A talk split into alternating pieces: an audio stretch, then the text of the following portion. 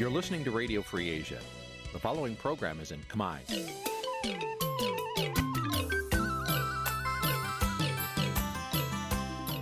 នេះជាកម្មវិធីផ្សាយ Vuthu Azizi Serai នេះជាកម្មវិធីផ្សាយរបស់ Vuthu Azizi Serai ជាភាសាខ្មែរ Vuthu Azizi Serai សូមស្វាគមន៍លោកអ្នកនាងទាំងអស់ពីរដ្ឋធានី Washington នៃសហរដ្ឋអាមេរិក បាទពីរដ្ឋធានី Washington ខ្ញុំបាទចិត្តចំណានសូមជម្រាបសួរលោកអ្នកនាងអ្នកស្ដាប់ Vuthu Azizi Serai ទាំងអស់ជាទីមេត្រីយើងខ្ញុំសូមជូនការផ្សាយសម្រាប់ព្រឹកថ្ងៃពហុ10រោចខែស្រាបឆ្នាំឆ្លូវត្រីស័កពុទ្ធសករាជ2565ដែលត្រូវនៅថ្ងៃទី2ខែកញ្ញាគ្រិស្តសករាជ2021បាទជាដំបូងនេះសូមអញ្ជើញលោកអ្នកនាងស្ដាប់ព័ត៌មានប្រចាំថ្ងៃដែលមានមេត្តាដូចតទៅ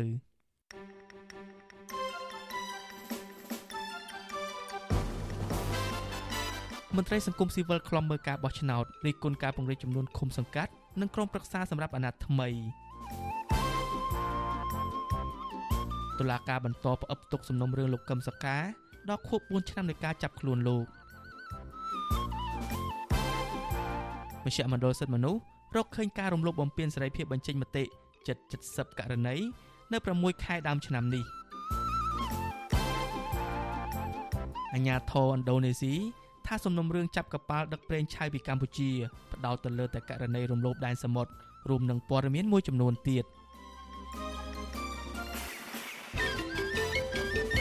បាទជាបន្តទៅទៀតនេះខ្ញុំបាទជាចំណានសូមជូនព័ត៌មានទាំងនេះពឹស្ដាបាទលោកនាងជាទីមេត្រីអាញាធរឥណ្ឌូនេស៊ីកាលពីថ្ងៃទី1ខែកញ្ញាម្សិលមិញបានសម្រេចបញ្ជូនសំណុំរឿងចាប់បានកប៉ាល់ដឹកប្រេងឆៅពីកម្ពុជាទៅតុលាការដោយចោទប្រកាន់ពីបទរំលោភចូលដែនសមុទ្ររបស់ប្រទេសនេះ អ្នកនាំពាក្យកងទ័ពជើងទឹកក្នុងតំបន់ម្នាក់លោកលេអូដេម៉ាហាម៉ាត់បានប្រាប់សារព័ត៌មានបានប្រាប់ភ្នាក់ងារសារព័ត៌មានរបស់ Visual Asia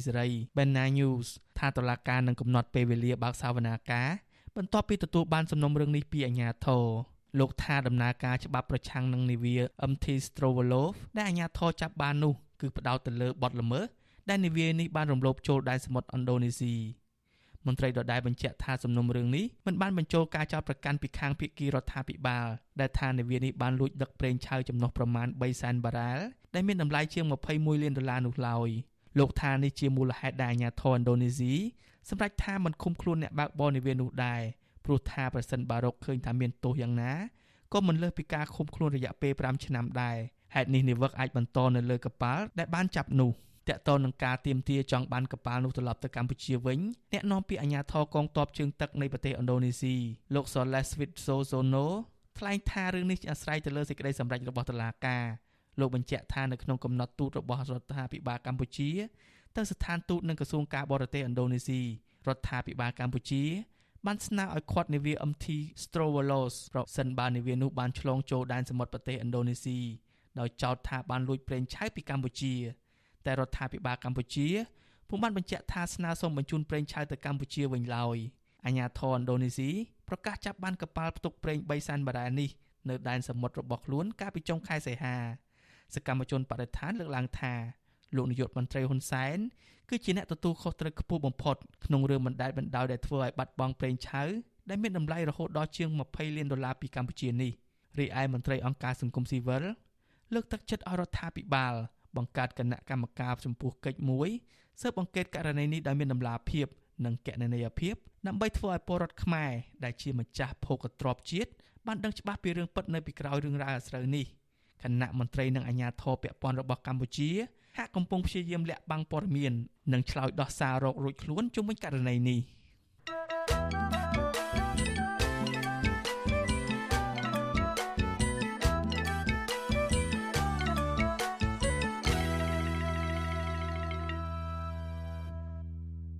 មន្ត្រីសង្គមស៊ីវិលខ្លំមើលការបោះឆ្នោតរិះគន់ការពង្រីកចំនួនឃុំសង្កាត់និងក្រុមប្រឹក្សានៅអាណត្តិថ្មីសម្រាប់ឆ្នាំ2022ដល់ឆ្នាំ2027ខាងមុខនេះថាជាការទទួលបានបរិមាណតែពុំមានគុណភាពឬពុំមានប្រសិទ្ធភាពក្នុងការគ្រប់គ្រងនិងការអភិវឌ្ឍជូនប្រជាពលរដ្ឋនោះឡើយមន្ត្រីជាន់ខ្ពស់ផ្នែកអង្គការនឹងតស៊ូមតិនៃអង្គការ Conference លោកកនសវាងបានឲ្យវិសុអេស៊ីសរ៉ៃដឹងនៅថ្ងៃទី1ខែកញ្ញាថាការបង្កើតចំនួនឃុំសង្កាត់ថ្មីតាមខេត្តមួយចំនួន និងបន្ថែមចំនួនសមាជិកក្រុមប្រឹក្សានេះនឹងរឹតតែធ្វើឲ្យរដ្ឋាភិបាលចំណាយលុយជាតិកាន់តែច្រើនការបង្កើតហ្នឹងមិនមែនទៅវាគ្រាន់តែពង្រីកនៅក្នុងការទៅចូលរួមអឺដែលគ្រប់គ្រងក្រុមប្រឹក្សាគុំសង្កាត់នឹងទេវាអត់មានវាអត់មានប្រយោជន៍តែគិតថាវាប្រសើរជាជាងមួយហ្នឹងវាអត់មានទេឧទាហរណ៍ដូចខ្ញុំលើកឡើងថា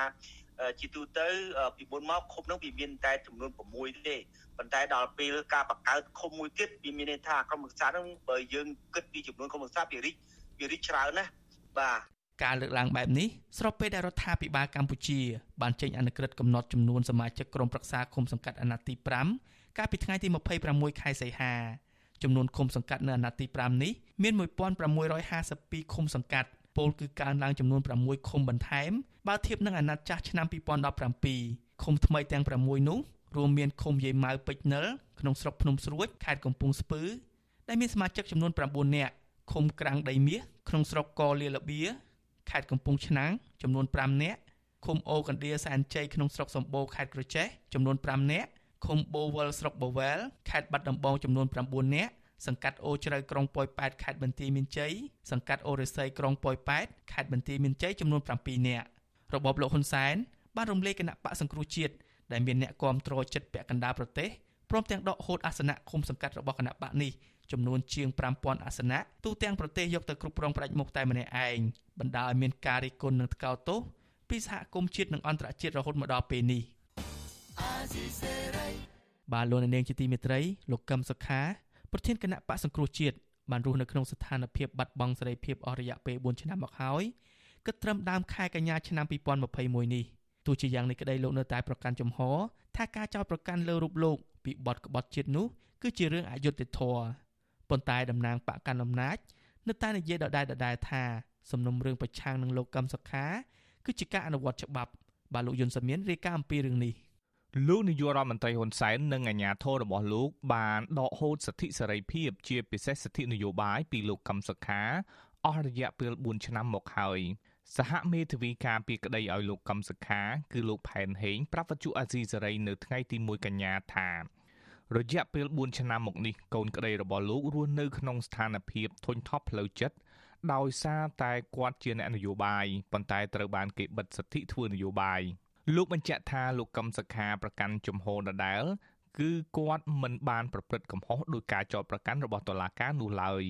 ជាគោលការណ៍គាត់នៅថាគាត់មិនមានស្អីពាក់ព័ន្ធទៅនឹងការចោទប្រកាន់ហ្នឹងនៅចង់ឃើញឲ្យមានការតម្លាក់ចោទមកលើរូបគាត់ហ្នឹងហើយបើសិនជាថាវាជាដំណោះនយោបាយឬក៏អ្នកនយោបាយអាហ្នឹង គឺថាវាមានតំណែងនយោបាយហ្នឹងក៏ទៅចែកគ្នាទៅអាហ្នឹងវាឆាប់ចប់ចំហរបស់គាត់គាត់ចង់ឃើញការសាសនាជាតិចង់ឃើញថាខ្មែរមិនយកខ្មែរជាសត្រូវអញ្ចឹងទៅតាមគោលការណ៍រដ្ឋធម្មនុញ្ញជាតិតៃសេរីភូបាក់ហ្នឹងអញ្ញាធររបបលោកហ៊ុនសែនបានសម្រុកចូលចាប់ខ្លួនលោកកឹមសខាដល់ក្នុងផ្ទះរបស់លោកកាលពីរំលងអាធ្រាត្រថ្ងៃទី2ឈានចូលថ្ងៃទី3កញ្ញាឆ្នាំ2017 ក្នុងពេលដែលលោកកំពុងមានអភ័យឯកសិទ្ធិសភាអញ្ញាធរបានឃុំខ្លួនលោករយៈពេលជាង2ឆ្នាំទាំងការឃុំខ្លួនក្នុងពន្ធនាគារត្រពាំង plong ក្បែរព្រំដែនវៀតណាមនិងការឃុំខ្លួនក្នុងផ្ទះរបស់លោកនៅខណ្ឌទួលគោករាជធានីភ្នំពេញតុលាការក្រុងភ្នំពេញបានចោទប្រកាន់លោកពីបទសន្តិទិភាពឬការត្រូវរើគ្នាជាមួយបរទេសដើម្បីផ្ដួលរំលំរដ្ឋាភិបាល តុលាការបានចាប់ផ្ដើមបើកសវនាការសំណុំរឿងនេះនៅខែមករាឆ្នាំ2020និងបានបន្តជាហូរហែរហូតដល់ចុងខែមីនាទើបប្រកាសផ្អាកសវនាការក្រោមហេតុផលបង្ការជំងឺ Covid-19 សំណុំរឿងនេះក៏ស្ងប់ស្ងាត់តាំងពីពេលនោះមកទោះបីជាក្រុមមេធាវីលោកកឹមសុខាបានដាក់លិខិតជាច្រើនលើកទៅតុលាការនិងក្រសួងយុតិធធដើម្បីស្នើសុំបន្តសវនាការយ៉ាងណាក្តី លោកផែនហេងឲ្យដឹងថាក្រុមមេធាវីធ្លាប់បានទៅសួរចៅក្រមអំពីរឿងនេះដែរទាំងជំនួបផ្លូវការនិងក្រៅផ្លូវការប៉ុន្តែមិនទទួលបានចម្លើយវិជ្ជមានសម្រាប់ដំណើរការក្តីនៅពេលឆាប់ឆាប់នេះទេលោកថាហេតុនេះហើយទើបក្រុមមេធាវីមិនបានដាក់លិខិតស្នើសុំជាថ្មីទៀតទៅតុលាការ ឬក្រសួងយុតិធធ យើងឃើញថាការដាក់លិខិតដាក់អីអន្តរាគមក៏ដូចជាមិនត្រូវនឹងកលៈទេសៈដោយសារតែលក្ខណៈនយោបាយនៅជាតិហើយយើងនៅតែមើលទៅឃើញថាអាចនឹងយកហេតុផលទៅរឿងកូវីដមកនិយាយដដែលដដែលអញ្ចឹងយើងក៏មិនមានចំណាត់ការអីទៅលើកិច្ចការដដែលដដែលនេះវិទ្យុអាស៊ីសេរីមិនអាចតាក់ទងប្រធានតុលាការក្រុងភ្នំពេញលោកតាំងសុនឡាយដើម្បីសាកសួររឿងនេះបានទេដោយទូរស័ព្ទចូលតែពុំមានអ្នកទទួល ប៉ុន្តែលោកធ្លាប់បានបញ្ជាក់កាលពីពេលកន្លងទៅថាសំណុំរឿងនេះមិនមែនជារឿងក្តីអធិភាពនោះទេព្រោះលោកកំសខាកំពុងស្ថិតនៅក្រៅឃុំការផ្អឹបទុកសំណុំរឿងនេះគឺស្របទៅនឹងបំណងរបស់លោកនាយករដ្ឋមន្ត្រីហ៊ុនសែនដែលថាសំណុំរឿងនេះអាចនឹងត្រូវពន្យាពេលរហូតដល់ឆ្នាំ2024ពូលគឺនៅក្រោយការបោះឆ្នោតអាណត្តិថ្មី អ្នកនាំពាក្យគណៈបកកណ្ដាលអំណាចលោកសុកអេសានមិនបានបកស្រាយរឿងសិទ្ធិសេរីភាពរបស់លោកកឹមសុខានោះទេប៉ុន្តែលោកបញ្ជាក់ថាវត្តមានឬអវត្តមានលោកកឹមសុខាក្នុងការបោះឆ្នោតនាពេលខាងមុខនេះមិនមែនជាអ្វីដែលគណៈបកប្រជាជនកម្ពុជាត្រូវគិតនោះទេព្រោះមេបកប្រឆាំងរូបនេះកំពុងជាប់ក្តីក្តាំនៅតុលាការហើយម្យ៉ាងទៀតគណៈបកសង្គ្រោះជាតិក៏ត្រូវបានតុលាការកំពូលរំលាយចោលរួចទៅហើយដែរលោកនៅតែអះអាងថា ថ្នាក់ដឹកនាំគណៈបកកណ្ដាលអំណាចនឹងគ្មានការចរចាជាមួយមេដឹកនាំគណៈបកសង្គ្រោះជាតិនោះឡើយរាជរដ្ឋាភិបាលដែលកំពុងកាន់អំណាចជាអ្នកត្រូវច្បាប់មិនអាចចរចាជាមួយក្រមឧទាមក្រៅច្បាប់បានទេទោះបីគាត់ចេញរូបភាពណាក៏ដោយទោះបីថាមានអ្នកវិភាគនឹងចេះតែទាញទៅរកផ្លូវនយោបាយឲ្យមានការចរចាយ៉ាងណាក៏ដោយគឺបុគ្គលដែលទទួលខុសត្រូវនឹងកំពុងតែស្ថិតនៅក្នុងដៃតុលាការនៅឡើយព្រោះអត់មានអីត្រូវចរចាទេបាទ ការបោះឆ្នោតក្រុមប្រឹក្សាឃុំសង្កាត់គ្រោងប្រព្រឹត្តទៅនៅឆ្នាំ2022ហើយការបោះឆ្នោតតំណាងរាស្ត្រនឹងត្រូវធ្វើឡើងនៅឆ្នាំបន្ទាប់ប៉ុន្តែវត្តមានរបស់លោកកឹមសុខាក្នុងការបោះឆ្នោតទាំងពីរនេះហាក់ស្ថិតនៅក្នុងភាពស្រពិចស្រពិលនៅឡើយ ព្រោះសិទ្ធិនយោបាយរបស់លោកត្រូវបានគេដកហូតពីករណីផ្សេងផ្សេងគ្នាករណីទី1គឺលោកស្ថិតនៅក្នុងចំណោមថ្នាក់ដឹកនាំគណៈបកសង្គ្រោះជាតិចំនួន118នាក់ដែលត្រូវតុលាការកំពូលបានដកសិទ្ធិធ្វើនយោបាយរយៈពេល5ឆ្នាំនៅពេលតុលាការជាន់ខ្ពស់មួយនេះរំលាយគណៈបកសង្គ្រោះជាតិកាលពីចុងឆ្នាំ2017ទី2លោកជាប់បម្រាមនយោបាយក្រោមដោយការដាក់ឲ្យត្រួតពិនិត្យតាមផ្លូវតុលាការ របស់ចៅក្រមស៊ើបសួរសាលាដំបងរាជធានីភ្នំពេញអ្នកវិភាគនយោបាយនិងសង្គមបណ្ឌិតមាសនេះមានប្រសាសន៍ថាសំណុំរឿងរបស់លោកកំសខា ជាប្រភេទសំណុំរឿងនយោបាយដូច្នេះដំណើរការលឿនឬឆាប់នោះ គឺអាស្រ័យទៅលើស្ថានភាពនយោបាយលោកយល់ថាការផ្អឹបទុកសំណុំរឿងនេះគឺជាយុទ្ធសាស្ត្រកាត់បន្ថយអធិបុលនយោបាយរបស់លោកកឹមសុខាដើម្បីធានាជ័យជំនះសម្រាប់គណៈបកកណ្ដាលអំណាចក្នុងការបោះឆ្នោតនាពេលខាងមុខនេះ។ ដរាបណាគណៈបកកណ្ដាលអំណាចមិនទាន់មានទំនុកចិត្តខ្លួនឯងនៅក្នុងការទទួលបាននៅការគ្រប់គ្រងទាំងផ្លូវចិត្តទាំងបេះដូងពីពលរដ្ឋនឹងបានច្រើនវិញទេករណីកម្មរដ្ឋានឹងអាចពជារហូតដល់ក្រោយឆ្នាំ2023 2024ទៅទៀតហើយបើសិនជានៅតែស្ថានភាពមិនប្រសើរឡើងសម្រាប់គណៈបកកម្មាជំនុំខ្ញុំគិតថាអចលនចលនាប្រជាធិបតេយ្យនឹងបន្តរស់នៅក្រោមសម្ពាធបន្តយូរដល់ទៅទៀតបាទ ក្រមប្រទេសប្រជាធិបតេយ្យអង្គការសង្គមស៊ីវិលជាតិនិងអន្តរជាតិព្រមទាំងទីភ្នាក់ងារអង្គការសហប្រជាជាតិផ្នែកសិទ្ធិមនុស្សនៅតែទទួលស្គាល់ថាលោកកឹមសុខា ជាមនុស្សស្អាតស្អំដែលរងការចោទប្រកាន់ដោយអយុត្តិធម៌ពួកគេស្នើយ៉ាងទទូចដល់របបលោកហ៊ុនសែនឲ្យទម្លាក់ចោលបទចោទប្រកាន់និងផ្ដល់សិទ្ធិសេរីភាពពេញលេញដល់លោកកឹមសុខា ដើម្បីឲ្យលោកអាចចាប់ផ្ដើមជីវិតនយោបាយបាន ដូចដើមឡើងវិញ។ អ្នកវិភាគនយោបាយបណ្ឌិតមាសនេះមានប្រសាសន៍ថាសំណុំរឿងលោកកឹមសុខា និងមន្ត្រីគណៈបកប្រឆាំងផ្សេងទៀតបូករួមទាំងការរំលាយគណៈបកសង្គ្រោះជាតិផងនោះបាននាំមកនៅផលវិបាកជាច្រើនរួចទៅហើយសម្រាប់កម្ពុជា មានជាអាចវិបត្តិនយោបាយរ៉ាំរ៉ៃនិងភាពល្អក់កកនៃទំនាក់ទំនងជាមួយក្រមប្រទេសប្រជាធិបតេយ្យលោកបណ្ឌិតមាននេះមើលឃើញថាបើនៅតែគ្មានដំណោះស្រាយនយោបាយនិងការឯកភាពជាតិនោះទេ កម្ពុជានឹងខាតបង់ប្រយោជន៍កាន់តែច្រើនជាពិសេសកម្ពុជានឹងផុងខ្លួនកាន់តែជ្រៅក្នុងលបែងភូមិសាស្ត្រនយោបាយរបស់ប្រទេសមហាអំណាចខ្ញុំយុនសាមៀនវិទ្យុអាស៊ីសេរីពីរដ្ឋធានី Washington បាទលោកអ្នកនាងអ្នកស្ដាប់ជាទីមេត្រីមជ្ឈមណ្ឌលសិទ្ធិមនុស្សកម្ពុជារកឃើញការរដ្ឋបិទនិងរំលោភបំពានសិទ្ធិសេរីភាពក្នុងការបញ្ចេញមតិចំនួន68ករណីនៅ6ខែដើមឆ្នាំនេះហេតុការណ៍នេះពាក់ព័ន្ធនឹងអ្នកសារព័ត៌មានអ្នកការពារសិទ្ធិមនុស្សនិងអ្នកប្រាស្រ័យបណ្ដាញសង្គម បាទលោកមួងណារ៉េតរាយការណ៍ជុំវិញព័ត៌មាននេះមជ្ឈមណ្ឌលសិទ្ធិមនុស្សកម្ពុជាបង្ហាញទិន្នន័យដែលប្រមូលបានពីថ្ងៃទី1ខែមករានិងដែលបានចេញផ្សាយកាលពីថ្ងៃទី31ខែសីហាថានៅក្នុងចំណោម68ករណីនោះមាន20ករណីគឺជាការរឹតបន្តឹង48ករណីគឺជាការរំលោភបំពានដោយរដ្ឋាភិបាលឬក៏ភាគីទី3ការរឹតបន្តឹងគឺសំដៅទៅលើការរឹតបន្តឹងសិទ្ធិសេរីភាពនៅក្នុងការបញ្ចេញមតិនៅក្នុងកលៈទេសៈជាក់លាក់ណាមួយដែលផ្ទុយទៅនឹងអ្វីដែលច្បាប់អនុញ្ញាត រីឯការរំលោភបំពានសិទ្ធិសេរីភាពនៅក្នុងការបញ្ចេញមតិវិញគឺសំដៅទៅលើការប្រព្រឹត្តរបស់អាជ្ញាធរដែលផ្ទុយទៅនឹងបទដ្ឋានគតិយុត្តឬក៏ស្តង់ដារច្បាប់អន្តរជាតិ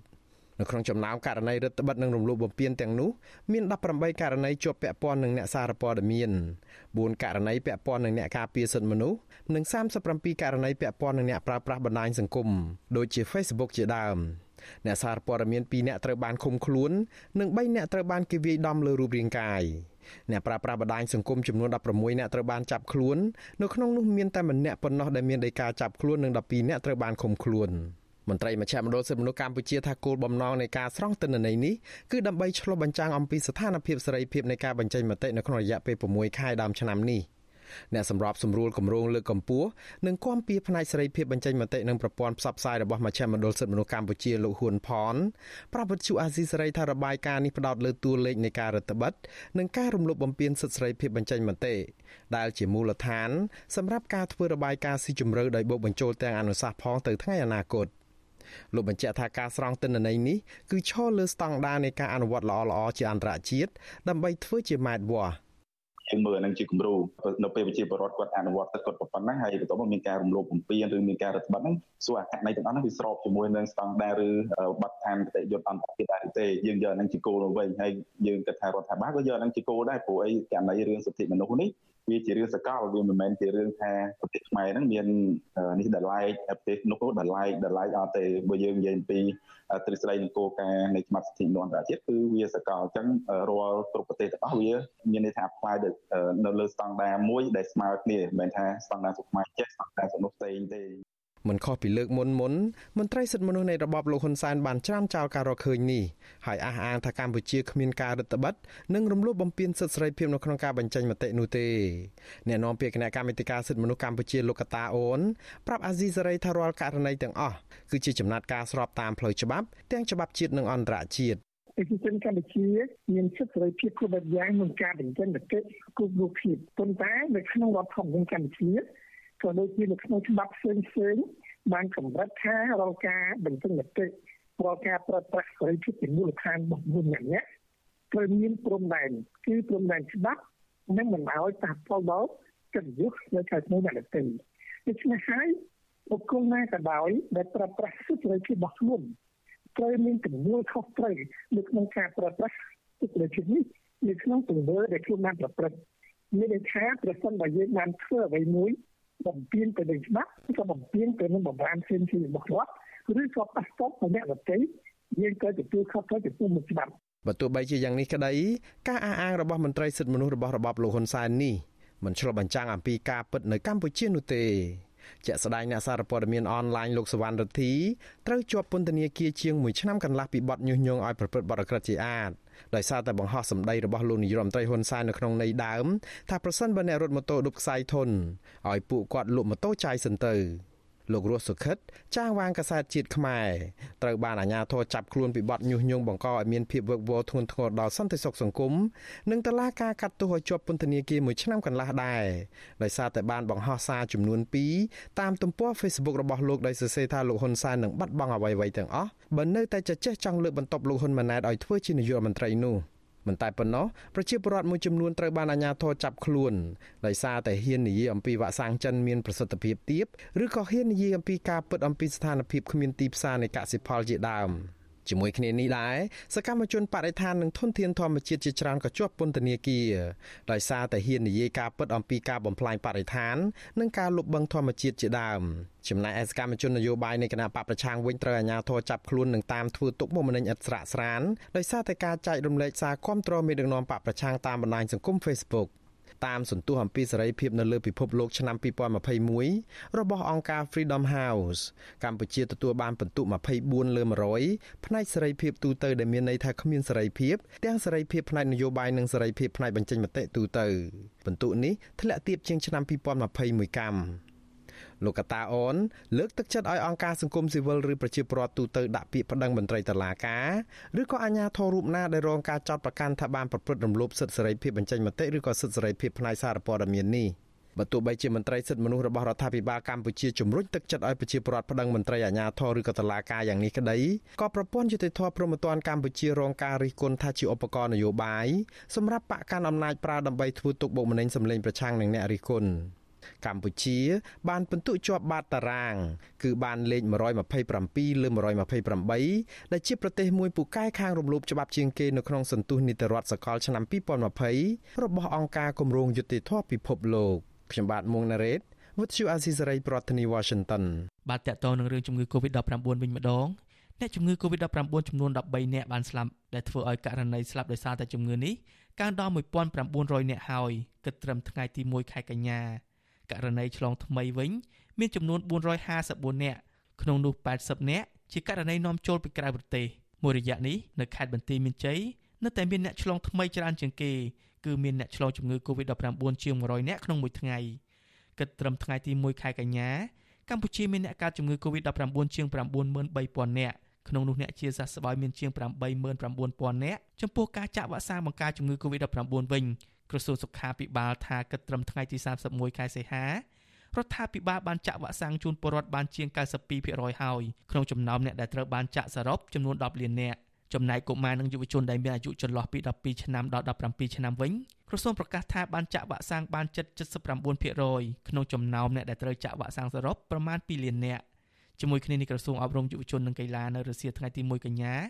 បានប្រជុំណែនាំដល់អាជ្ញាធរខេត្តរាជធានី ឲ្យពិនិត្យមើលលទ្ធភាពដើម្បីត្រៀមបើកដំណើរការគ្រឹះស្ថានសិក្សាចំណេះដឹងទូទៅគ្រប់កម្រិតនៅតាមតំបន់ដែលមានការឆ្លងជំងឺ Covid-19 តិចតួចឡើងវិញក្នុងពេលដ៏ឆាប់ខាងមុខនេះគម្រោងបើកសាលាឡើងវិញនេះដោយក្រសួងអប់រំតម្រូវឲ្យសិស្សនិងគ្រូបង្រៀនត្រូវអនុវត្តគម្លាតសុវត្ថិភាព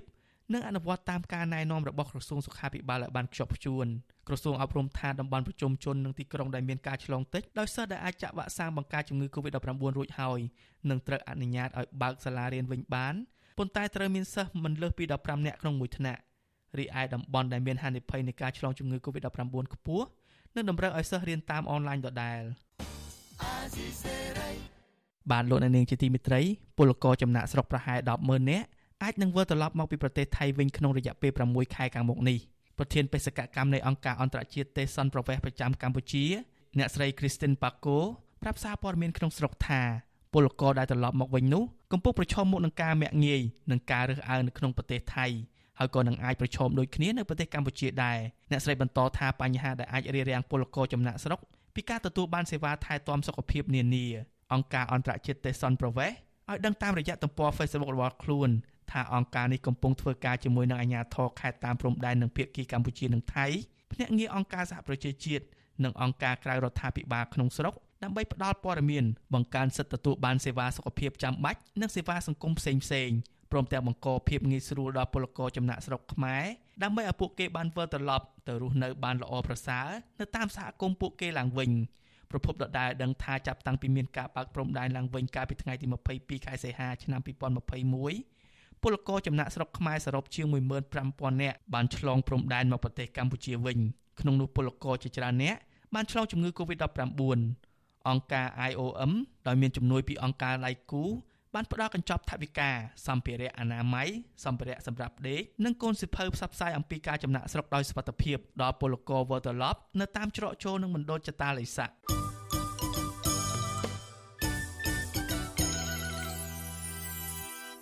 បាទលោកនាងជាទីមេត្រីមន្ត្រីសមាគមគ្រូបង្រៀនយល់ថា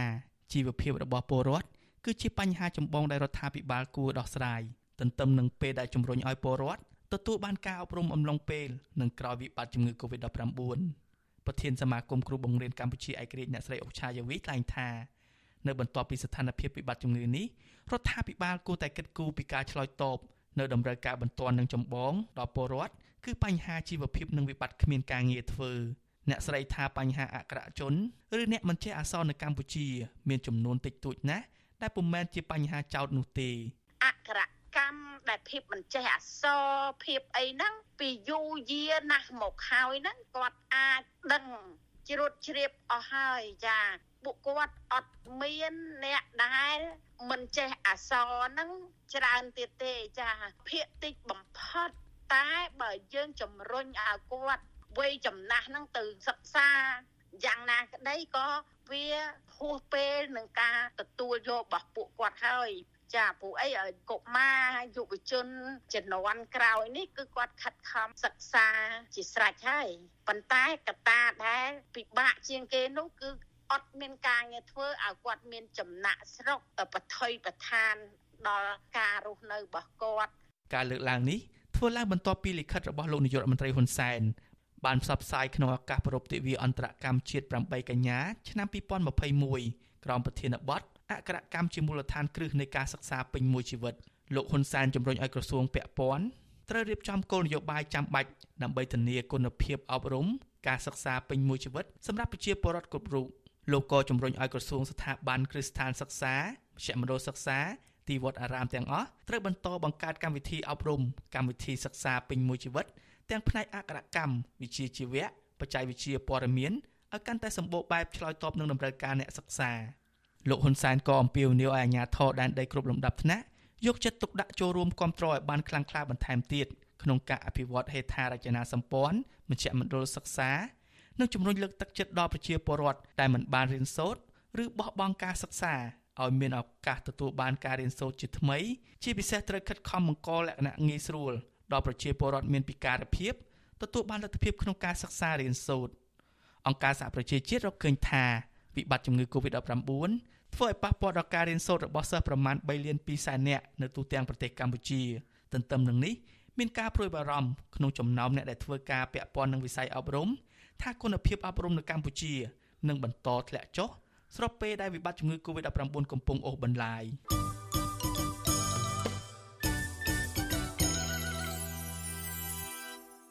បាទលោកនាងជាទីមេត្រីអ្នកស្រុកកណ្ដាលស្ទឹងខេត្តកណ្ដាល ដែលរងផលប៉ះពាល់ពីការអភិវឌ្ឍពលានយន្តហោះថ្មីអះអាងថា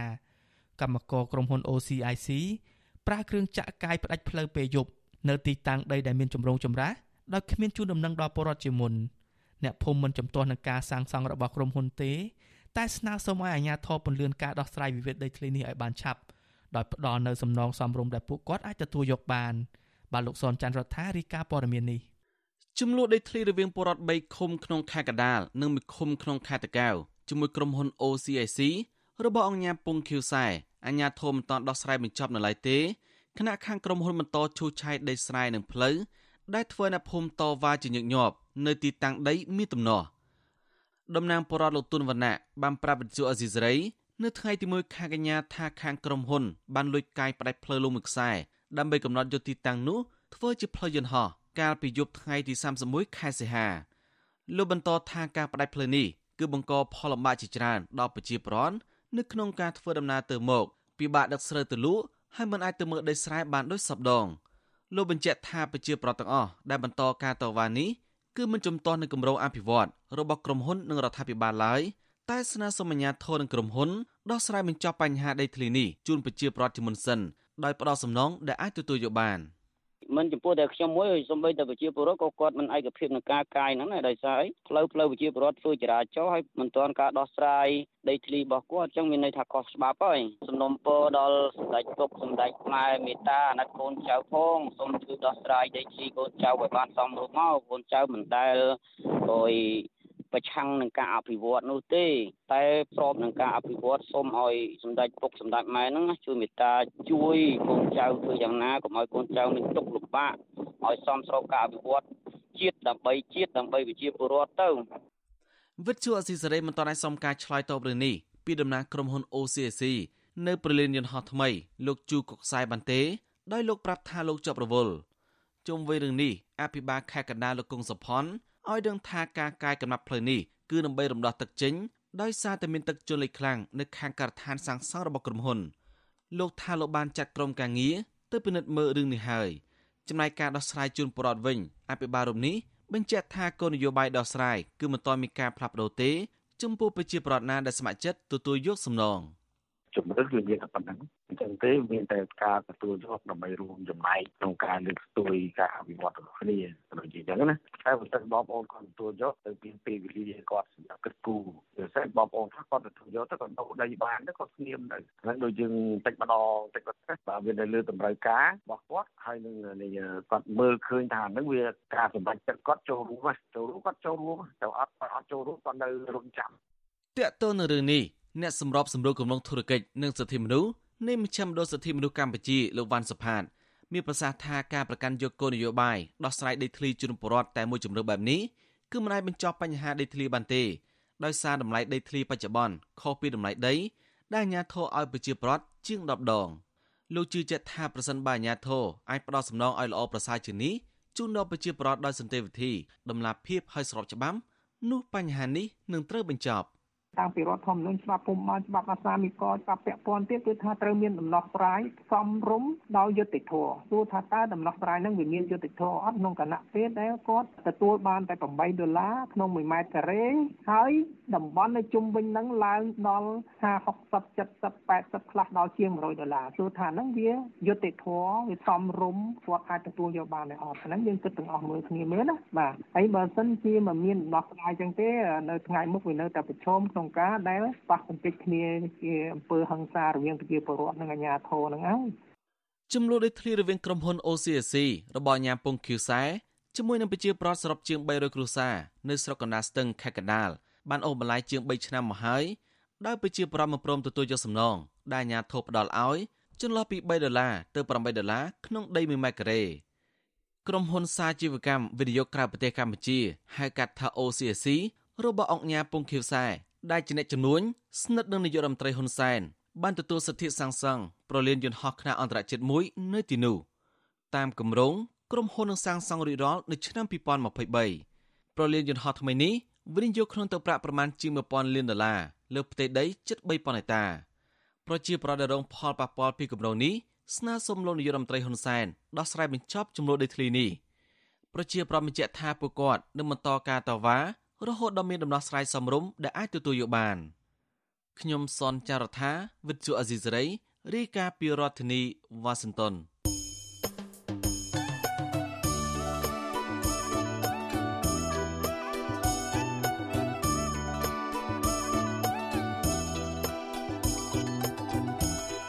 បាទលោកនាងជាទីមេត្រីក្នុងឱកាសនេះដែរខ្ញុំបាទសូមថ្លែងអំណរគុណដល់លោកអ្នកនាងកញ្ញាទាំងអស់ដែលតែងតែមានភក្ដីភាពចំពោះការផ្សាយរបស់យើងហើយចាត់ទុកការផ្សាយរបស់ Visual Assisray ជាផ្នែកមួយនៃសកម្មភាពប្រចាំថ្ងៃរបស់លោកអ្នកនាងការគ្រប់គ្រងរបស់លោកអ្នកនាងនេះហើយដែលធ្វើឲ្យយើងខ្ញុំមានទឹកចិត្តកាន់តែខ្លាំងបន្ថែមទៀតក្នុងការស្វែងរកនិងផ្តល់ព័ត៌មានជូនលោកអ្នកនាងមានអ្នកស្ដាប់អ្នកទស្សនាកាន់តែច្រើនកាន់តែធ្វើឲ្យយើងខ្ញុំមានភាពស្វាហាប់មោះមុតជាបន្តទៅទៀត យើងខ្ញុំសូមអរគុណទុកជាមុនហើយសូមអញ្ជើញលោកអ្នកនាងកញ្ញាចូលរួមជំរុញឲ្យសកម្មភាពផ្តល់ព័ត៌មានរបស់យើងនេះកាន់តែជោគជ័យបន្ថែមទៀតលោកអ្នកនាងអាចជួយយើងខ្ញុំបានដែលគ្រាន់តែចុចចែករំលែកឬ share ការផ្សាយរបស់យើងខ្ញុំនៅតាមបណ្ដាញសង្គម Facebook និង YouTube ទៅកាន់មិត្តភ័ក្តិដើម្បីឲ្យការផ្សាយរបស់យើងបានទៅដល់មនុស្សកាន់តែច្រើន បាទសូមអរគុណ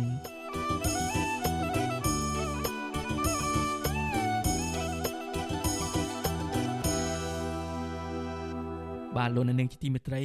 កម្មវិធីតាមដានទំនប់វារីអគ្គិសនីលើទន្លេមេគង្គបង្ហាញថាផ្ទៃបឹងទន្លេសាបនៅរយៈពេលចុងក្រោយនេះផ្ទៃទឹកមិនបានរីកធំដូចរាល់ឆ្នាំនោះទេទោះជាពេលនេះរដូវទឹកឡើងហើយក្តីជុំវិញបញ្ហានេះពលរដ្ឋដែលរស់នៅតាមដងទន្លេសាបត្អូញត្អែថាកង្វះទឹកធ្វើឲ្យប៉ះពាល់ដល់ការរស់នៅប្រចាំថ្ងៃរបស់ពួកគេនិងធ្វើឲ្យពិបាកនេសាទត្រីដើម្បីរកប្រាក់ចំណូលដោះស្រាយជីវភាពគ្រួសារ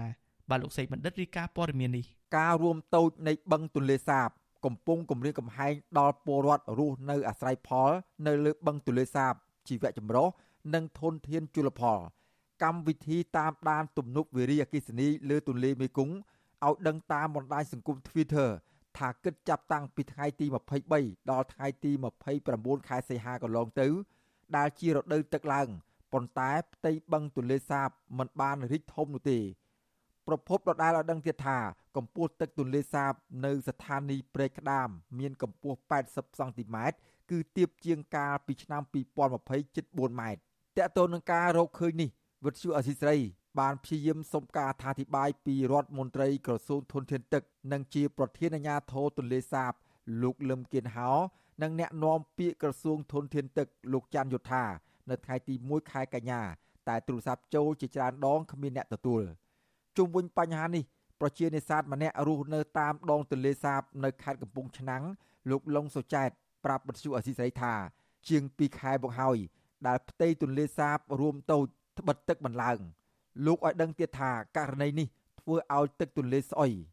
ប្រជានេសាទរូបនេះបន្តថាពេលនេះពលរដ្ឋជួបបញ្ហាពិបាករកត្រី ហើយពលរដ្ឋមួយចំនួនគ្មានទឹកស្អាតប្រើប្រាស់និងមានពលរដ្ឋក្រីក្រខ្លះ បង្ខំចិត្តប្រើប្រាស់ទឹកទន្លេដែលមានក្លិនស្អុយនោះទឹកទន្លេតែចឹងហើយតែតែតែពេលមានទឹកថ្មីមកវាចេះមករហូតអត់អីទេប៉ុន្តែបើមករបៀបដូចបន្តិចចឹងទៅឈប់មកបន្តិចទៅឈប់មកវាដូចជាលបាយអីវាទៅវាទៅស្អុយទឹកឡើងហើយដល់ស្អុយទឹកអាកណ្ដាលទន្លេគ្រាន់បើអាចុងទឹកទឹករាក់រាក់រាក់ហ្នឹងគឺទឹកស្អុយបល់បឡើយតែចឹងត្រីនៅអត់បានទេអ្នកជំនាញអភិបាលកិច្ចទឹកលោកហែមឧត្តមសង្កេតឃើញថា កម្ពស់ទន្លេសាបថយចុះបែបនេះព្រោះប្រទេសចិន និងប្រទេសឡាវដែលនៅភាគខាងលើនៃអាងទន្លេមេគង្គបានបិទទឹកក្នុងសង្វាក់ផលិតកម្មវារីអគ្គិសនីរបស់ខ្លួន លោកយល់ថាបញ្ហានេះធ្វើឲ្យប៉ះពាល់ការនេសាទរបស់ប្រជាពលរដ្ឋហើយជំរុញឲ្យអ្នកនេសាទទាំងនោះជំពាក់បំណុលធនាគារឬមីក្រូហិរញ្ញវត្ថុកាន់តែច្រើនឡើង និងនាំឲ្យកើតមានបទល្មើសនេសាទ លោកហែមឧត្តមជំរុញឲ្យគណៈកម្មការទន្លេមេគង្គហៅកាត់ថា MRC លើកយកបញ្ហានេះទៅជជែកគ្នាជាមួយនឹងប្រទេសចិននិងប្រទេសឡាវពីហៅថាជាងពីមុនគាត់ប្រើអាអាម៉ងឬក៏សំណាញ់រុនធំធំប៉ុន្តែដល់ពេលរកអាត្រីធំលេងបានជាងគាត់ត្រូវបថយមកប្រើអាសំណាញ់រុនតូចដើម្បីអាចចាប់ត្រីតូចបានអញ្ចឹងមានថាត្រីវាធំអត់ទាន់ទេអញ្ចឹងអញ្ចឹងយើងឃើញថាប៉ះពាល់ទៅដល់អេកូឡូស៊ីធម្មជាតិ បោះត្រីបោះទន្លេនឹងផងដែរទន្លេសាបដែលលាតសន្ធឹងជាប់ខេត្តចំនួន5គឺខេត្តកំពង់ឆ្នាំងកំពង់ធំ បាត់ដំបងពោធិ៍សាត់និងខេត្តសៀមរាបទទួលបានប្រភពទឹកពីទន្លេមេគង្គទន្លេមេគង្គមានប្រភពទឹកពីខ្ពង់រាបទីបេហូរកាត់ប្រទេសចំនួន6គឺប្រទេសចិនភូមាថៃឡាវកម្ពុជា និងវៀតណាមមុននឹងហូរធ្លាក់ទៅកាន់សមុទ្រចិនខាងត្បូងតកតូននឹងការលើកឡើងបែបនេះ វិទ្យុអសីសេរីនៅមិនទាន់អាចសុំការបំភ្លឺពីមន្ត្រីទំនាក់ទំនងផ្នែកព័ត៌មាននៃគណៈកម្មការទន្លេមេគង្គលោកមាសសុភ័ក្រនៅថ្ងៃទី1ខែកញ្ញានេះបានទេទោះយ៉ាងណាគណៈកម្មការទន្លេមេគង្គហៅកាត់ថា MRC លើកទឹកចិត្តឲ្យប្រទេសជាសមាជិកនៃដៃគូសន្តិនិចែករំលែកទិន្នន័យប្រតិបត្តិការនិងស្វែងយល់ឲ្យស៊ីជម្រៅនៃការប្រែប្រួលថ្មីនៃលំហូរទន្លេមេគង្គ និងដោះស្រាយផលប៉ះពាល់ដែលអាចកើតមានលើសហគមន៍តាមអាងទន្លេនេះខ្ញុំបាទសេកបណ្ឌិតវិទ្យុអសីសេរីពីរដ្ឋធានីវ៉ាស៊ីនតោន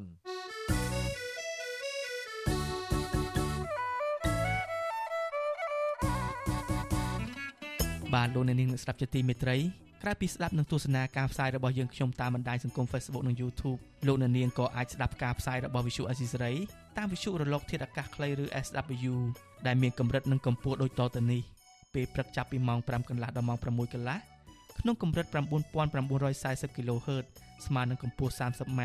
ចំណែកឯពេលយប់ចាប់ពីម៉ោង7កន្លះដល់ម៉ោង8កន្លះក្នុងកម្រិត9960 kHz ស្មើនឹងកម្ពស់ 30m ហើយមួយកម្រិតទៀត គឺ11240 kHz ស្មើនឹងកម្ពស់ 25m បាទសូមអរគុណ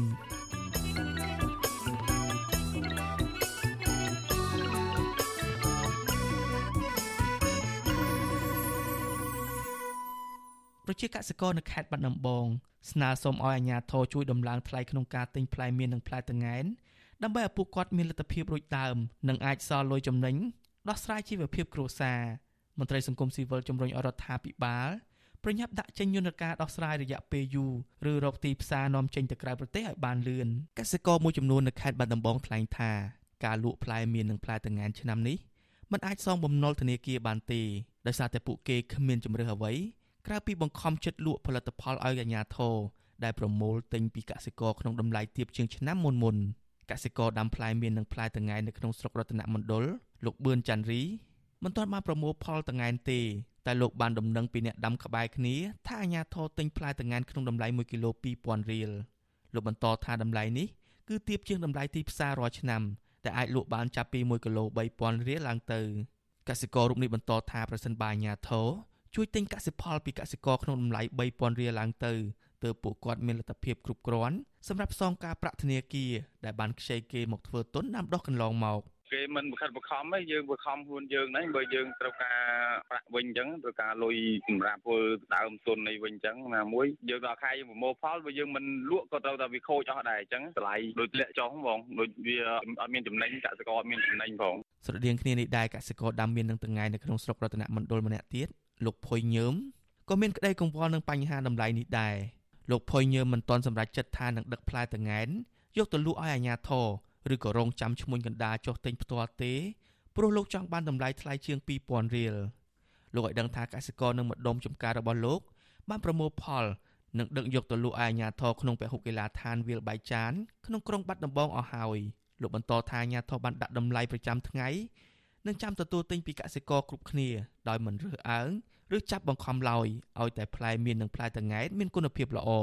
បើថាឲ្យយករួចខ្លួនវិញទៅណាចូល5000ហ្នឹងមានបងបើថាតងានបាន2000បានបង2000 2005អីចូលយកបានខ្ញុំនៅតែដាំតែ3ថោកខ្ញុំនៅតែដាំតែបងមិនដឹងថាម៉េចបើយើងជាកសិករទៅហើយបងនៅតែដាំហ្នឹងតែម៉េចលោកនាយករដ្ឋមន្ត្រីហ៊ុនសែនបានបញ្ជាឲ្យក្រុមអង្គរៈនិងអាជ្ញាធរ ប្រមូលទិញផ្លែមៀននិងផ្លែតង្កែនពីកសិករនៅខេត្តបាត់ដំបងនិងខេត្តបៃលិនយកទៅចែកជូនមន្ត្រីរាជការនិងពលរដ្ឋកំពុងធ្វើចតាល័យស័កដោយឥតគិតថ្លៃចាប់តាំងពីពេលក្រុមឈ្មួញនិងកសិករបាននាំគ្នាបញ្ឈរឡានតវ៉ាក្បែរព្រំដែនខ្មែរថៃកាលពីដើមខែសីហាមកលោកហ៊ុនសែនអះអាងថានេះជាវិធីដោះទាល់ក្នុងស្ថានភាពកសិករកំពុងខាតបង់ធ្ងន់ធ្ងរហើយលោកបញ្ជាឲ្យអាជ្ញាធរទិញផ្លែមៀននិងផ្លែតង្កែនពីកសិករក្រីក្រដោយផ្ទាល់និងមិនបានប្រើថវិកាជាតិនោះទេ ឯចំណែកឈ្មួញមន្ត្រីដែលមានចំការមានធំធំលោកបញ្ជាឲ្យរកទីផ្សារដោយខ្លួនឯងជាងកន្លះខែមកនេះអាជ្ញាធរបានប្រកាសពីការទិញផ្លែមានផ្លែតងែននិងការចែកចាយផ្លែឈើទាំងអស់នេះដល់មន្ត្រីរាជការអាជ្ញាធរនិងពលរដ្ឋតាមបណ្ដាខេត្តតែអាជ្ញាធរមិនបានសរុបរបាយការណ៍ឬទឹកប្រាក់ដែលលោកហ៊ុនសែនយកទៅទិញមាននឹងតងែនពីកសិករនោះទេទោះជាយ៉ាងណាថ្មីថ្មីនេះមានប្រជាពលរដ្ឋមួយចំនួនបានត្អូញត្អែថា អញ្ញាធរប្រមូលទិញផ្លែតង្កែនមិនបានស្មើភាពគ្នានោះទេហើយកសិករខ្លះថែមទាំងបានថតវីដេអូឃ្លីបផ្លែតង្កែនដែលគ្មានទីផ្សារលក់បង្ហោះតាមបណ្ដាញសង្គម Facebook ជាបន្តបន្ទាប់រហូតដល់មានការចាប់ខ្លួនយុវជនម្នាក់នៅខេត្តបាត់ដំបងកាលពីថ្ងៃទី21ខែសីហាប្រជាកសិករម្នាក់ដែលរស់នៅក្នុងស្រុកកំរៀងខេត្តបាត់ដំបងលោកងួនលីបានបង្ហោះវីដេអូឃ្លីបនៅក្នុង Facebook របស់លោក បង្ហាញពីប្រជាពលរដ្ឋបេះផ្លែតង្កែនប្រមាណ2តោនច្រកប្រអប់ដាក់កូននៅក្រោមដើមតង្កែនរបស់កសិករនៅក្នុងឃុំតាសែនស្រុកគំរៀងលោកងួនលីបាននិយាយរៀបរាប់នៅក្នុងវីដេអូក្លឹបនោះថាអញ្ញាធមូលដ្ឋានឲ្យប្រជាពលរដ្ឋបេះផ្លែតង្កែទាំងនោះហើយប៉ុន្តែមិនបានទៅទិញយកពីពួកគាត់នោះទេយុវជនរូបនេះត្រូវបានតុលាការខេត្តបាត់ដំបងផ្តន្ទាទោសឲ្យជាប់ពន្ធនាគារ10ខែ វិសុអស៊ីសេរីមិនអាចសុំការបញ្ជាក់ពីនាយករងគុតកាល័យនិងជាប្រធានអង្គរៈលោកហ៊ីងមុនហៀងនិងអភិបាលខេត្តបាត់ដំបងលោកងួនរតនៈបានទេនៅថ្ងៃទី1ខែកញ្ញាតែយ៉ាងណាក្រសួងកសិកម្មនិងអគ្គនាយកដ្ឋានកសិកម្មលោកងិនឆាយធ្លាប់លើកឡើងថាការជួបបញ្ហាផ្លែមៀននិងផ្លែតង្កែនេះដោយសារតែកម្ពុជាមិនទាន់មានរោងចក្រវេចខ្ចប់និងប្រព័ន្ធសម្រាប់មេរោគនៅលើផ្លែឈើស្រស់ទាំងនេះទើបមិនអាចនាំចេញទៅប្រទេសថៃនិងមិនអាចលក់ចេញទៅប្រទេសចិន តាមយន្តការកិច្ចព្រមព្រៀងពាណិជ្ជកម្មសេរីកម្ពុជាចិនបានជុំវិញរឿងនេះសង្គមស៊ីវិលជំរុញឲ្យរដ្ឋាភិបាលស្វាស្វែងគ្រប់យន្តការបន្ថែមទៀតដើម្បីអាចនាំចេញផ្លែឈើស្រស់និងកែច្នៃផលិតផលទាំងនោះសម្រាប់ផ្គត់ផ្គង់ទីផ្សារក្នុងស្រុកនិងក្រៅស្រុកអ្នកសម្របសម្រួលសមាគមសិទ្ធិមនុស្សអាត់ហុកខេត្តបាត់ដំបងនិងខេត្តបៃលិនលោកយិនមេងលីយល់ថារដ្ឋាភិបាលគួរតែចាប់ផ្ដើមគិតគូរពីការសាងសង់នៅហេដ្ឋារចនាសម្ព័ន្ធឬរោងចក្រកែច្នៃផ្លែឈើ ឬការវេចខ្ចប់សម្របតាមលក្ខខណ្ឌតម្រូវការអនាម័យឲ្យបានលឿនដើម្បីឆាប់បាននាំចេញក្រៅពីនេះលោកក៏ជំរុញឲ្យរដ្ឋាភិបាលគិតគូរពីទីផ្សារក្នុងស្រុកទាំងការផ្គត់ផ្គង់ផ្លែឈើស្រស់និងការច្នៃជាអាហារកំប៉ុងទោះជាយ៉ាងណាតំណាងសង្គមស៊ីវិលរូបនេះស្វាគមន៍ចំពោះយន្តការដោះស្រាយរបស់រដ្ឋាភិបាលក្នុងការជួយទិញផ្លែមៀននិងផ្លែតង្កែនពីកសិករតែយ៉ាងណាលោកយិនមេងលីជំរុញឲ្យរដ្ឋាភិបាលពិចារណា ពីការដំឡើងក្នុងការទិញកសិផលតាមសំណើរបស់កសិករផងដែរ។ ពួកចរាចរណ៍ក្នុងស្រុកហើយក៏បានគេនាំចេញពីកាយទៀតនេះបានបង្ហាញថារដ្ឋាភិបាលលោកមានផែនការច្បាស់លាស់នៅក្នុងការជួយកសិករឥឡូវនេះគ្រាន់តែជួយបានមួយរយៈទេដោះទុកមួយរយៈទេតែយូរអង្វែងគឺអត់អាចទេអញ្ចឹងបានចង់សំណូមពរដែរតែឆ្នាំក្រោយហើយទៀតសូមឲ្យរដ្ឋាភិបាលលោកមានផែនការបានកាន់តែច្បាស់លាស់ថែមទៀតហើយជួយពិចារណាទៅលើសំណូមពរទៅលើតម្លៃដែលប្រជាកសិករស្នើសុំនេះដើម្បីឲ្យលោកមានលទ្ធភាពលើកទឹកចិត្តរបស់លោកដើម្បីក្នុងការផលិតថែមទៀតរបាយការណ៍របស់ក្រសួងកសិកម្មឆ្នាំ2020បង្ហាញថា ខេត្តបាត់ដំបងនិងខេត្តបៃលិនមានផ្ទៃដីដាំផ្លែមៀននិងផ្លែតង្កែនធំជាងគេនៅលើផ្ទៃដីសរុបជាង14000ហិកតានិងទទួលបានទិន្នផលជាង150,000តោនប៉ុន្តែការនាំចេញទៅក្រៅប្រទេសបានតែជិត200តោនប៉ុណ្ណោះ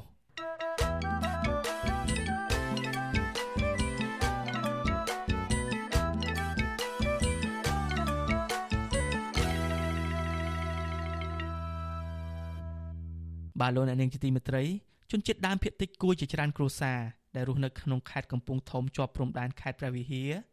ស្ដាយស្រណោះដីចំការវើជុំដីព្រៃអាស្រ័យផល និងដីសមូហភាពដែលបន្សល់ទុកចុងក្រោយទំហំជិត100ហិកតា បានបាត់បង់ទាំងស្រុងអ្នកភូមិបន្តចោទក្រុមហ៊ុនឯកជនមួយថាបានឈូសឆាយរំលោភយកដីរបស់ពួកគេទាំងអស់រីឯពលរដ្ឋមួយចំនួនដែលមិនហ៊ានចេញមុខតវ៉ាដីធ្លីទាំងនេះមិនត្រឹមតែមិនបានទទួលដំណោះស្រាយពីអាជ្ញាធរនោះទេតែពួកគេខ្លាចជាជនរងគ្រោះ ជាប់បណ្ដឹងនៅតុលាការទៅវិញទៀតបាទលោកជីវិតារាយការណ៍ព័ត៌មាននេះជនជាតិដើមគួយ33គ្រួសាររស់នៅភូមិតាឡែកឃុំសាឡាវិស័យស្រុកប្រាសាទបាឡាំងខេត្តកំពង់ធំជាប់ព្រំដែនខេត្តព្រះវិហារកំពុងពិភាក្សាគ្នាត្រៀមរៀបចំឯកសារដើម្បីដាក់ញត្តិស្វែងរកកិច្ចអន្តរាគមន៍ទៅអាជ្ញាធរជាតិករណីក្រុមហ៊ុនហាក់ប៊ុនថាឈូសឆាយរំលោភយកដីស្រែចម្ការដែលនៅសល់ចុងក្រោយទំហំជិត100ហិកតាអស់ទាំងស្រុង នៅរយៈពេល6ខែចុងក្រោយនេះអ្នកភូមិឲ្យដឹងថាពលរដ្ឋ2នាក់ដែលចេញមុខតវ៉ាទាមទារដីធ្លីត្រូវតំណាងក្រុមហ៊ុនហាក់ប៊ុនថាប្តឹងពួកគាត់ទៅតុលាការខេត្តព្រះវិហារដើម្បីគម្រាមកំហែងមិនឲ្យងើបតវ៉ាទាមទារដីទាំងនោះតំណាងពលរដ្ឋលោកស្រីងួនហៀងប្រាប់អាស៊ីសេរីនៅថ្ងៃទី1កញ្ញាថាក្រុមហ៊ុនបានប្តឹងលោកស្រីនិងប្តីរបស់លោកស្រី ទៅតុលាការ ហើយលោកស្រីបានចូលខ្លួនទៅបំភ្លឺនៅសាលាដំបងខេត្តព្រះវិហាររួចហើយ កាលពីថ្ងៃទី30សីហាលោកស្រីថាក្នុងសវនាការលោកស្រីបានរៀបរាប់ពីភាពអយុត្តិធម៌ជាច្រើន ប្រាប់តំណាងអាយកាតាក់ទិនករណីដីស្រែចម្ការ ដីធ្លីអាស្រ័យផល ដែលពលរដ្ឋបង្កបង្កើនផលតាំងពីដូនតាត្រូវបានក្រុមហ៊ុនបន្តឈូសឆាយកំទេចទាំងស្រុងបណ្ដាលឲ្យពលរដ្ឋជួបការលំបាក ខ្វះដីធ្លីបង្កបង្កើនផលរកចំណូលចិញ្ចឹមជីវិតលោកស្រីថាបើទោះបីជាអ្នកភូមិស្នើសុំកិច្ចអន្តរាគមន៍ពីអាជ្ញាធរក្តីក៏ក្រុមហ៊ុនមិនផ្អាកសកម្មភាពឈូសឆាយដែរ ខ្ញុំអត់បានទៅធ្វើទៅហឹងសាលើដីគាត់ទេហើយគាត់ជុះឆាយដីខ្ញុំមកបែរមកគាត់ប្តឹងខ្ញុំបកថាខ្ញុំមកទៅធ្វើអំពើហឹងសាលើដីគាត់ថាខ្ញុំមកមានគៈកំបាត់មានកំភ្លើងកែឆាយតែការពិតខ្ញុំអត់មានដែលប្រើអារបស់អស់នឹងអីទេដោយសារគាត់ចោតអត់មានការពិតណាលោកស្រីងួនហៀងបន្ថែមថា គ្រួសារលោកស្រីមានដី5ហិកតាត្រូវក្រុមហ៊ុននេះឈូសឆាយរំលោភយកអស់ទាំងស្រុងដែរហើយបច្ចុប្បន្ន កម្មករក្រុមហ៊ុនបានកាយប្រឡាយហុំព័ទ្ធមិនឲ្យលោកស្រីចេញចូលតំបន់នោះទេលោកស្រីបញ្ជាក់ថាក្រុមហ៊ុន បានឈូសឆាយកំទេចដំណាំដាំដុះដូចជាស្រូវចន្ទី ស្វាយនិងពោតអស់ទាំងស្រុង ហើយនៅពេលដែលពួកគាត់តវ៉ាបែរជាតំណាងក្រុមហ៊ុនប្តឹងបកពួកគាត់ទៅតុលាការវិញលោកស្រីចាត់ទុកទង្វើនេះថាជារឿងអយុត្តិធម៌និងជាការធ្វើបាបពលរដ្ឋក្រីក្រអឺ មកទល់ពេលនេះគេឈូសគេឆាយអស់អាលីងចេញហើយគេដាំដំណាំអស់អាលីងច្រាញ់អត់មានសល់ដីទាំងណាសំបីទេប្រហែលមួយអាក៏ឬមួយមកចង់និយាយថាប៉ិនបាត់ដែរក៏អត់មានសល់ដែរគេដាំជាដំណាំគេអស់ហើយចាកាលពីខែកក្កដាឆ្នាំ2021តំណាងអัยការខេត្តព្រះវិហារលោកសេងមេងស្រុនបានចេញដីកាកោះហៅលោកស្រីងួនហៀងនិងប្តីឲ្យចូលខ្លួនបំភ្លឺនៅថ្ងៃទី30ខែសីហាក្នុងដំណើររឿងហិង្សាលើអ្នកកាន់កាប់អចលនវត្ថុសុចរិត និងធ្វើឲ្យខូចខាតដោយចេតនាសំណុំរឿងនេះតំណាងក្រុមហ៊ុនហាក់ប៊ុនថាគឺជាដើមបណ្ដឹង ជាមួយគ្នានេះព្រះអញ្ញាអមសាលាដំបងខេត្តព្រះវិហារលោកទីសវិនថាល់មានប្រសាសន៍ថាតំណាងអាយកាមិនបានឃុំខ្លួនពលរដ្ឋនោះទេ ហើយសំណុំរឿងនេះមិនទាន់ដល់ដៃចៅក្រមស៊ើបសួរនៅឡើយដែរលោកថាស្ថាប័នអាយកាកំពុងស៊ើបអង្កេតរឿងនេះព្រោះក្រុមហ៊ុនបានប្តឹងពលរដ្ឋក្នុងសំណុំរឿងព្រហ្មទណ្ឌ ពីបទហិង្សាកាន់កាប់អចលនវត្ថុសុចរិតទោះជាយ៉ាងណា លោកថាប្រសិនបើក្រុមហ៊ុនប្រព្រឹត្តកំហុសពលរដ្ឋក៏មានសិទ្ធិប្តឹងក្រុមហ៊ុនវិញដែរដោយភ្ជាប់ផុសតាងនឹងឯកសារពាក់ព័ន្ធមកស្ថាប័នអាយកា បាទមកក្រុមហ៊ុនក៏ដោយពីព្រោះសិទ្ធិស្មើនេះចំពោះមុខច្បាប់អត់មានគិតថាអ្នកមានអ្នកក្រឋានៈបនស័កនៅនាការនយោបាយទេអត់អីទេប្តឹងមកឲ្យតការពិតមានឯកសារក៏មកឡៃទៅរំលោភយកដីគេឲ្យថាដីខ្លួនឯងធ្វើម៉េចឲ្យតែដីរបស់ខ្លួនឯងពិតប្រាកដអាស៊ីសេរីមិនទាន់អាចតាក់ទងសុំការបំភ្លឺរឿងនេះពីតំណាងក្រុមហ៊ុនហាក់ប៊ុនថាលោកសែលីណាហៅតយបាននៅឡើយទេ នៅថ្ងៃទី1កញ្ញា ចំណែកអភិបាលខេត្តព្រះវិហារលោកប្រាក់សវណ្ណក៏មិនអាចសុំការបំភ្លឺបានដែរនៅថ្ងៃដដែលនេះព្រោះទូរស័ព្ទចូលគ្មានអ្នកលើកជុំវិញរឿងនេះនាយកប្រតិបត្តិអង្គការពន្លកខ្មែរលោកពឹកសុភ័ណ្ឌដែលចោះអង្កេតរឿងនេះថាដើមបណ្ដឹងគឺជាជនល្មើសដែលប្រើឈ្មោះក្រុមហ៊ុនឈូសឆាយតំបន់ប្រវត្តិសាស្ត្រជនជាតិដើមគួយ បង្កឲ្យបាត់បង់ព្រៃអាស្រ័យផល ច្បារដំណាំព្រៃសមរភាព និងដីព្រៃពេនេចរជាច្រើនហិកតា លោកចាត់ទុកពាក្យបណ្ដឹងរបស់ក្រុមហ៊ុន គឺជាការគំរាមកំហែងបំបាក់ទឹកចិត្តពលរដ្ឋដែលហ៊ានចេញតវ៉ាឥឡូវក្រុមហ៊ុនបានឈូសឆាយតំបន់ជំនឿសន្លងស្លោដែកដែលគាត់ជឿតាំងពីបុរាណមកអាហ្នឹងវាជាការរំលោភល្មើសច្បាប់មួយហើយអាហ្នឹងទី1ទី2អ្នកដែលប្តឹងគាត់គឺជាជនល្មើសដែលរំលោភមានអំណាច ដើម្បីប្តឹងទៅប្រជាពលរដ្ឋដែលពួកគាត់មិនមានអំណាចទៅវិញអញ្ចឹងឃើញថាវាវាផ្ទុយគ្នាវាពិច្រាស់គ្នាតំបន់សន្លងស្លោដែកឬហៅម្យ៉ាងទៀតថាសន្លងថ្នោតជាកន្លែងគោរពបូជាយ៉ាងសំខាន់របស់អ្នកស្រុកតាំងពីដើមមកលើសពីនេះតំបន់នោះមានទឹកផុសខួបប្រាំងខួបវស្សាអំណោយផលគប់ប្រសើរឲ្យអ្នកស្រុកធ្វើស្រែចម្ការគ្រប់រដូវកាលបាន ទន្ទឹមនឹងនេះដែរមានស្រះទឹកបុរាណដែលដូនតាគួយកសាងដើម្បីចម្រាញ់ថ្មឲ្យคล้ายជាដែកអមដោយចង្ក្រាន បំពង់បង្ហូរដែកជាដើមជនជាតិដើមគួយថាសំណល់វប្បធម៌របស់ជនជាតិគួយទាំងនេះត្រូវក្រុមហ៊ុនឈូសឆាយកំទេចចោលទាំងស្រុងបន្ថែមពីនេះតំបន់នោះមានដើមឈើធំធំទួលបុរាណសត្វព្រៃវល្លិនិងកន្លែងឃ្វាលគោក្របី ដែលអ្នកស្រុកចាត់ទុកថាជារបស់ជនជាតិដើមគួយត្រូវបានបាត់បង់ទាំងស្រុងដែរហើយបច្ចុប្បន្នតំបន់នោះគ្រប់គ្រងដោយក្រុមហ៊ុនហាក់ប៊ុនថាខ្ញុំជីវិតាអាស៊ីសេរី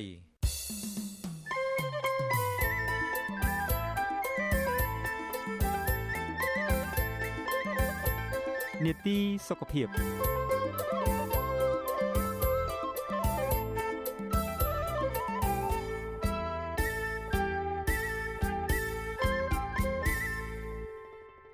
លោកអ្នកនាងជាទីមេត្រី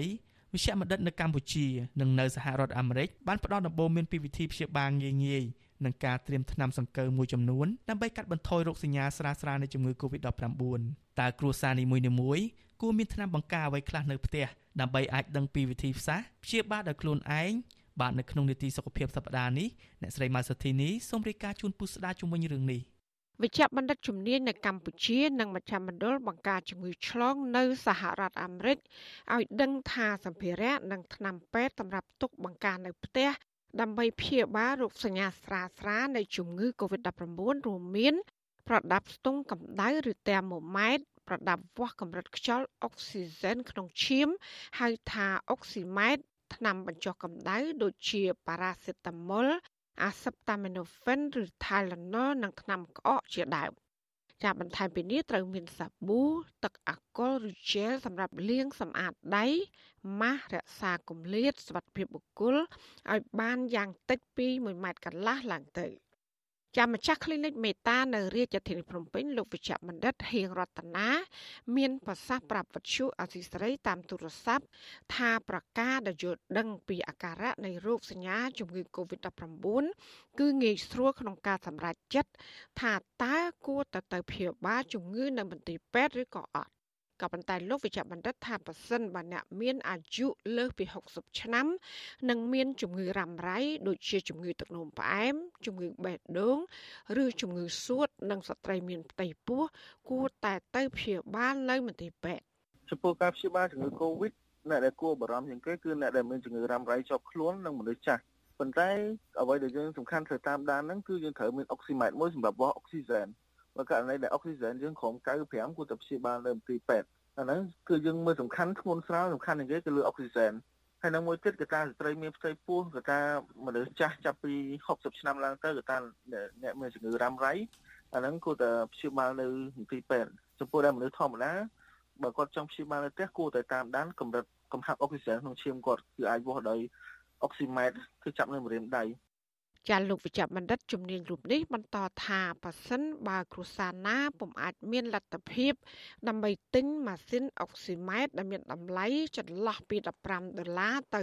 35ដុល្លារនោះ គេអាចកត់សម្គាល់ពីកម្រិតខ្យល់អុកស៊ីហ្សែនក្នុងខ្លួនបាន គឺអស់កម្លាំងលិតលហើយហត់ខុសពីធម្មតា និងពិបាកដកដង្ហើមចាក្នុងស្ថានភាពបែបនេះអ្នកជំងឺត្រូវទៅទទួលការព្យាបាលនៅមន្ទីរពេទ្យជាបន្ទាន់ មជ្ឈមណ្ឌលបង្ការជំងឺឆ្លងនៅសហរដ្ឋអាមេរិកក៏បានផ្ដល់ដំបូន្មានដែលថាដើម្បីកាត់បន្ថយរោគសញ្ញា និងពង្រឹងប្រព័ន្ធការពារខ្លួន អ្នកឆ្លងជំងឺ Covid-19 ត្រូវលេបថ្នាំអាស៊ីបតាមីណូហ្វេនដើម្បីបញ្ចុះកម្ដៅក្នុងខ្លួនចាប៉ារ៉ាសេតាមុលនិងអាស៊ីបតាមីណូហ្វេនគឺជាប្រភេទថ្នាំដូចគ្នាសម្រាប់កាត់បន្ថយឈឺក្បាល គ្រុនក្តៅខ្លាំង និងការចុកចាប់ក្នុងខ្លួន ចាប់បន្ថែមពីនេះត្រូវទទួលទានទឹកឲ្យបានច្រើន ឬក៏ចាក់បញ្ចូលសារ៉ូម IV តាមសរសៃឈាម ដើម្បីរក្សាជាតិទឹកក្នុងខ្លួននិងគេងសម្រាកឲ្យបានច្រើន ដើម្បីមានកម្លាំងប្រឆាំងវីរុសឬក៏មេរោគចាលោកវិជ្ជបណ្ឌិតហៀងរតនាមានប្រសាសន៍បន្តថា ក្នុងករណីក្តៅខ្លួនឈឺក្បាលឈឺបំពង់កសម្រាប់មនុស្សពេញវ័យត្រូវប្រើប្រាស់ថ្នាំប៉ារ៉ាសេតាមុល500មីលីក្រាម ចំនួន3ដងក្នុងមួយថ្ងៃសម្រាប់កុមារត្រូវប្រើប្រាស់ត្រឹម300មីលីក្រាមក្នុងមួយថ្ងៃចាលោកបន្តថាអ្នកជំងឺគួរតែប្រើវីតាមីន C និងជាតិស័ង្កសីដើម្បីបង្កើនប្រព័ន្ធការពារខ្លួនប្រឆាំងនឹងមេរោគ ហើយចំពោះដែលអ្នកដែលមានគាត់ស្រាលព្យាបាលនៅផ្ទះ